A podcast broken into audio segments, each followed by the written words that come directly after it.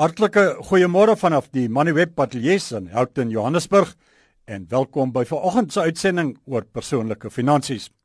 My naam is Andries van Sail. Vanoggend praat ons oor die land se nuwe beleggingswetgewing wat reeds deur die parlement goedgekeur is en waarin Suid-Afrikaners aangespoor word om mede-verantwoordelikheid vir die bestuur van hulle beleggings te aanvaar. Prakties gesproke kom dit daarop neer dat beleggers hulle met kennis moet bemagtig en noue werksverhoudings met hulle finansiële en beleggingsbestuurders moet skep. Ten die agtergrond praat ons vanoggend oor die keuse van die regte beleggingsbestuurder, finansiële adviseur, fondsbestuurder of wat ook al en die skep van 'n gesonde werksverhouding met jou finansiële adviseur. Dan praat ons ook oor wat beleggers kan doen om hulle met voldoende kennis te bemagtig en waarvoor hulle op die uitkyk moet wees om te voorkom dat hulle in een of ander beleggingsslenter beland. By my is eh, RSG Geldsaake se gereelde markkommentator Theo Forster, beleggingsbestuurder by Galileo Capital. Goeiedag eh, Theo. Goeiedag Andries. En ook uh, Belinda Bortman, welvaartbestuurder by Wiso Wealth. Goeiedag Belinda. Goeiedag Andries. Theo, kom ons begin by die wetgewing. Wat is die hoofste doel wat dit daarmee? Andries, die wetgewer probeer om die belegger of die kliënt in staat te stel om seker te maak dat dit wat aan hom voorgestel word, aan hom of haar voorgestel word, die beleggingsprodukte wat hy of sy in is, dat die dat die belegger ten volle ingelig is. En en hierdie het 'n klompie elemente. Die eerste element is dat jy moet presies weet waaraan jy belê. Dit wil sê jy moet weet wat jy kry, wat die belegging is sodat jy kan oordeel tot in watter mate daai belegging toepaslik is vir jou, voldoen aan jou behoeftes, voldoen aan jou vereistes. Nommer 2 dat jy presies weet waarvoor jy betaal en wat jy kry vir daai betaling. Dit wil sê jy moet weet wat die verskillende fooie strukture is binne die produk en tot watter mate jy vir wat betaal. En dan moet jy seker maak dat jy deurlopend gediens word. As jy deurlopend betaal vir fooie, dan moet jy seker maak jy word deurlopend gedien. So die so die vertrekpunt is om vir die belegger te bemagtig dat hy of sy seker is dat daardie produk en daardie diens waarvoor jy of waarvoor jy betaal, dat jy presies weet wat jy kry, dat jy weet hoe dit saamgestel is en dat jy seker is dat dit aan jou eie behoeftes gaan voldoen en nie noodwendig aan iemand anders se behoeftes gaan voldoen nie. En dis basies die agtergrond waarteen die regulatoriese omgewing kyk na hierdie verhouding. Belinda, enkele van die belangrikste redes waarom dit vir die individuele belegger van belang is.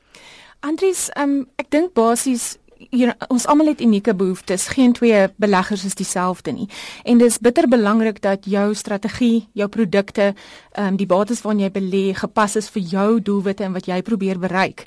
Finansiële beplanning is 'n langtermynproses, so baie belangrik om by jou behoeftes te pas. Deel die rol en funksies van die beleggingsadviseur of dan nou finansiële adviseurs, die is van kernbelang. Maar waarom is dit nodig dat 'n mens wel van 'n adviseur gebruik maak? Hoekom kan Jan Alleman nie sy eie ding doen nie? Andries, Jan Alleman kan sy eie doen ding. Daar's niks wat jou verhoed om dit nie self te doen nie. En daar is mense wat dit baie suksesvol self doen. So ek dink die vertrekpunt is dat jy kan dit self doen en daar is mense wat dit suksesvol self doen. Dis jou eie keuse of jy reken dat die beleggingsadviseur of welvaartbestuurder gaan waarde toevoeg of nie. En dis uit daai hoek uit wat jy daarmee beskou. En ek sien dit baie keer dat ek kan op die internet gaan kyk presies hoe om 'n hartoortplanting te doen en ek kan presies kyk wat kan verkeerd gaan.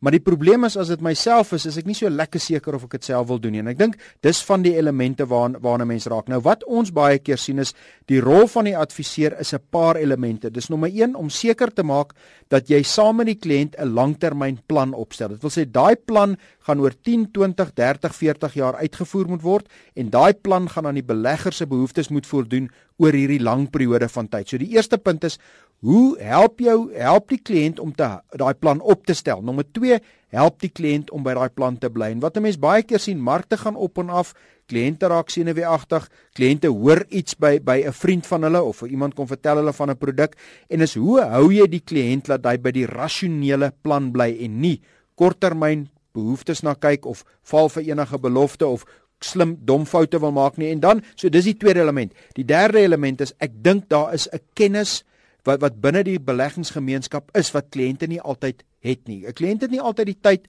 om al hierdie inligting deur te werk nie. 'n Kliënt het nie die tyd om op hoogte te bly van alles nie. En dis waar die adviseur moet sorg dat daai persoon op hoogte hoogte is van 'n paar elemente. Die wetgewing, dit wil sê, wat kan ek doen, wat kan ek nie doen nie? Waar's beweegruimte binne die wetgewing aan die een kant, maar aan die ander kant om te weet hoe markte reageer. Wat is die langtermyn opbrengs en wisselvalligheid van byvoorbeeld internasionale beleggers? Wat is die vooruitsigte vir byvoorbeeld 'n belegging op die geldmark? Wat kan jy verwag daarvan? En is om daai elemente by te bring by die beleggingsbesluit. Maar as ek dit vat na die kern van die elemente, is hoe maak jy seker dat die persoon bly by sy langtermynplan? Want dis waar die foute inkom. Die foute kom nie by klein besluite wat verkeerd is nie. Die foute kom in by jy hou nie by jou plan wat betref jou besparings, jou struktuur of of jou behoeftes nie, jy verander dit. En dis die dis tot 'n groot mate waar waar waar die waar die impak van 'n adviseur die sterkste is. Toe eers uh, baie beleggers wat uh, sit met uh, der miljoene rande wat uh, hulle moet uh, bestuur. Die vraag is as jy sou besluit om dit self te doen of dan nie 'n gevaar is, loop jy nie die risiko dat jy jou jou vermoëns dalk self kan oorskat dat jy nie noodwendig altyd die kundigheid het om hierdie massas geld te gaan bestuur in die eerste plek te gaan belê en daarvan aan te bestuur in 'n geweldige gekompliseerde beleggingsomgewing wat in baie gevalle selfs nie eens deur top beleggingskundiges verstaan word. Andries, dis korrek. Ek dink die wêreld het baie kompleks geraak en ek dink om hierdie goed te ontrafel vat 'n mate van kundigheid en daarmee saam sit jy en is 'n baie mooi term wat die Engelse gebruik noise. Die media en ek is baie keer 'n kommentator in op die, in die media uh, gee kommentaar oor dag tot dag bewegings. En die probleem is daai dag tot dag bewegings het korttermyn impakte, maar as jy as jy moet belê vir 'n 10, 20 en 30 jaar tydshorison, moet jy versigtig wees om te ontleed wat is wat is geraas, wat is korttermyn nuus, wat is langtermyn prestasie en wat is langtermyn besluite. En dan praat ek en ek weet kortliks daaraan verwys, die regulatoriese omgewing gee jou 'n raamwerk waar binne beleggings bestuur moet word. En as jy 'n individu is, is jy nie noodwendig bewus van daai regulatoriese omgewing, wat is die belastingimplikasies, wat is die strukturele implikasies, wat mag jy doen, wat mag jy nie doen nie.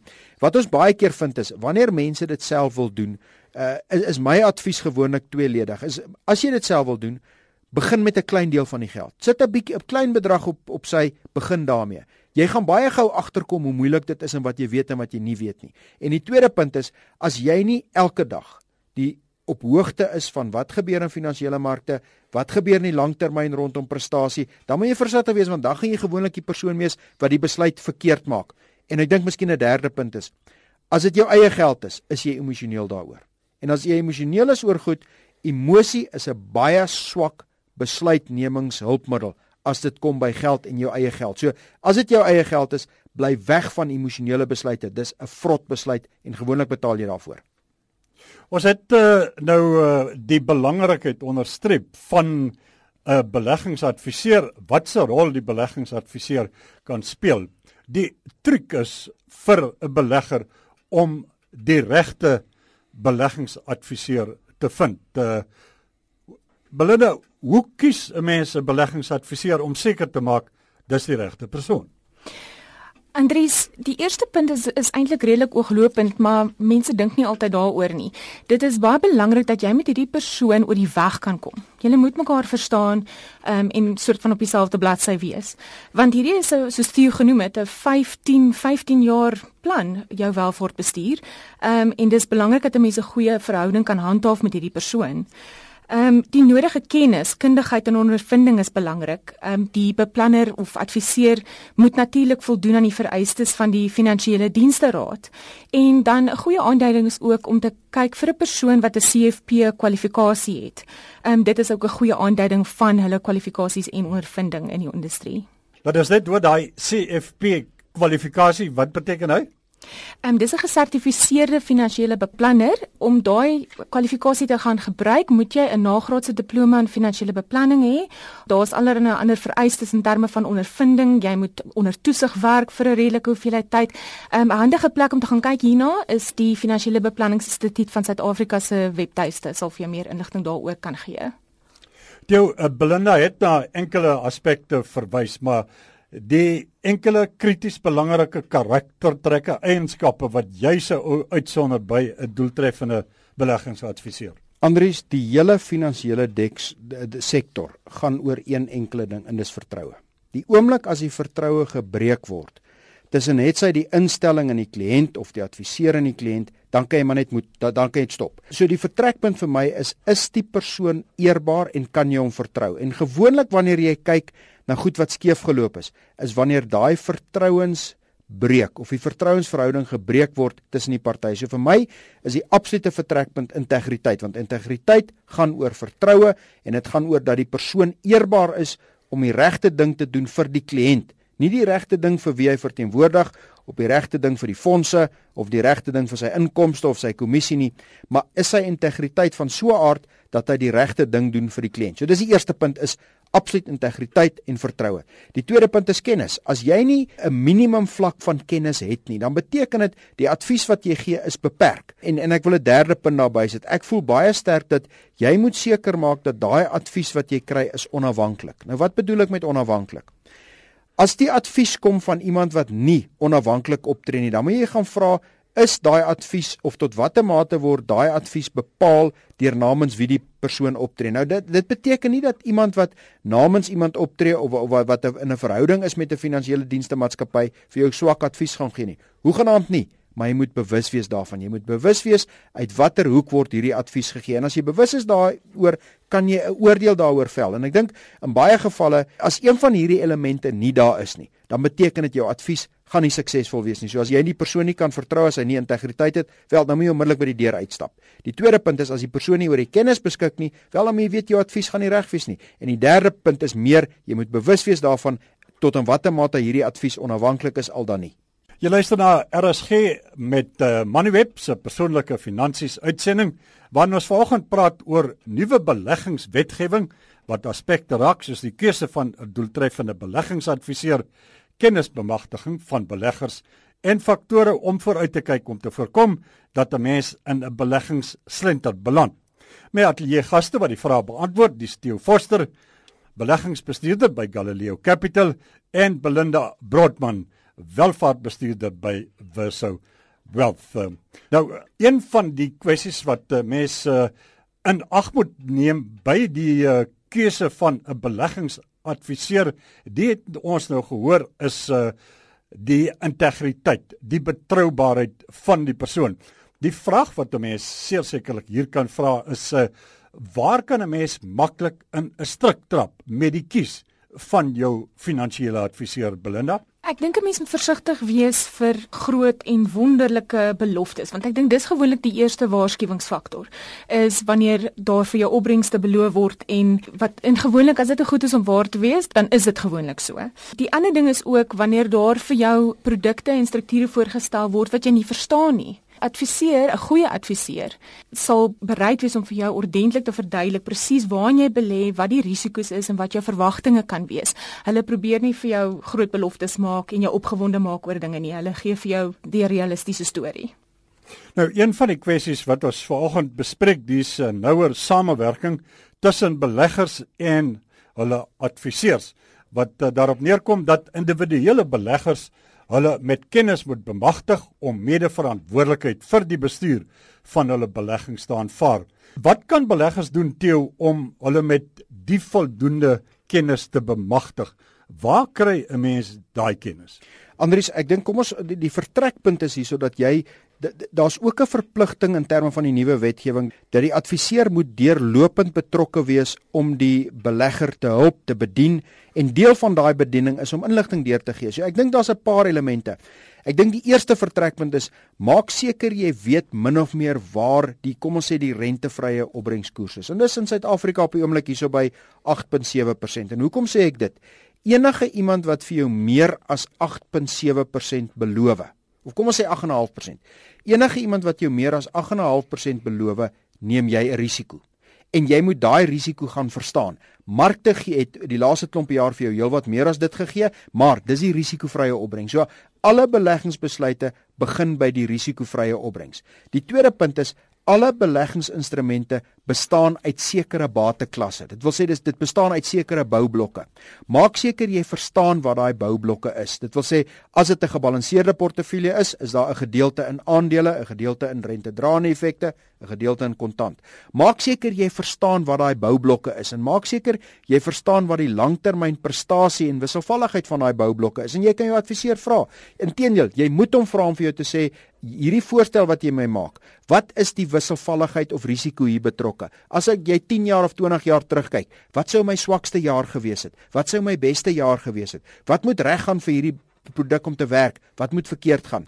Maar dan die groot ding is as die adviseur nie vir jou hierdie vrae kan antwoord nie. As daar iewester hier binne 'n swart boks is wat geheim is wat niemand mag inkyk nie. Pas op jy gaan verloor. Wat gebeur in so 'n geval is jy gaan wegstap met die kennis en die adviseur gaan wegstap met jou geld. Die, die punt van die saak is jy moet ten volle die goed kan vertrou en ek dink die vertrekpunt is altyd sê uh, vra vir die adviseur sê vir hom hierdie is die voorstel wat jy aan my gemaak het. Gaan kry 'n tweede opinie oor daai voorstel, maar dan belangrik, maak seker jy verstaan elke element daarbey en as jy as jy die koerant in die oggend oopmaak, dan moet jy in teorie 'n baie goeie kans hê om te weet hoe my belegging gaan presteer deur na 'n paar faktore te kyk. Maar ek dink doeteenvoudig begin hierdie by verstaan ek presies waaraan belê ek en is daar is my verwagte opbrengs hoër as die mark, is dit laer as die mark en hoekom is dit hoër of laer as die mark?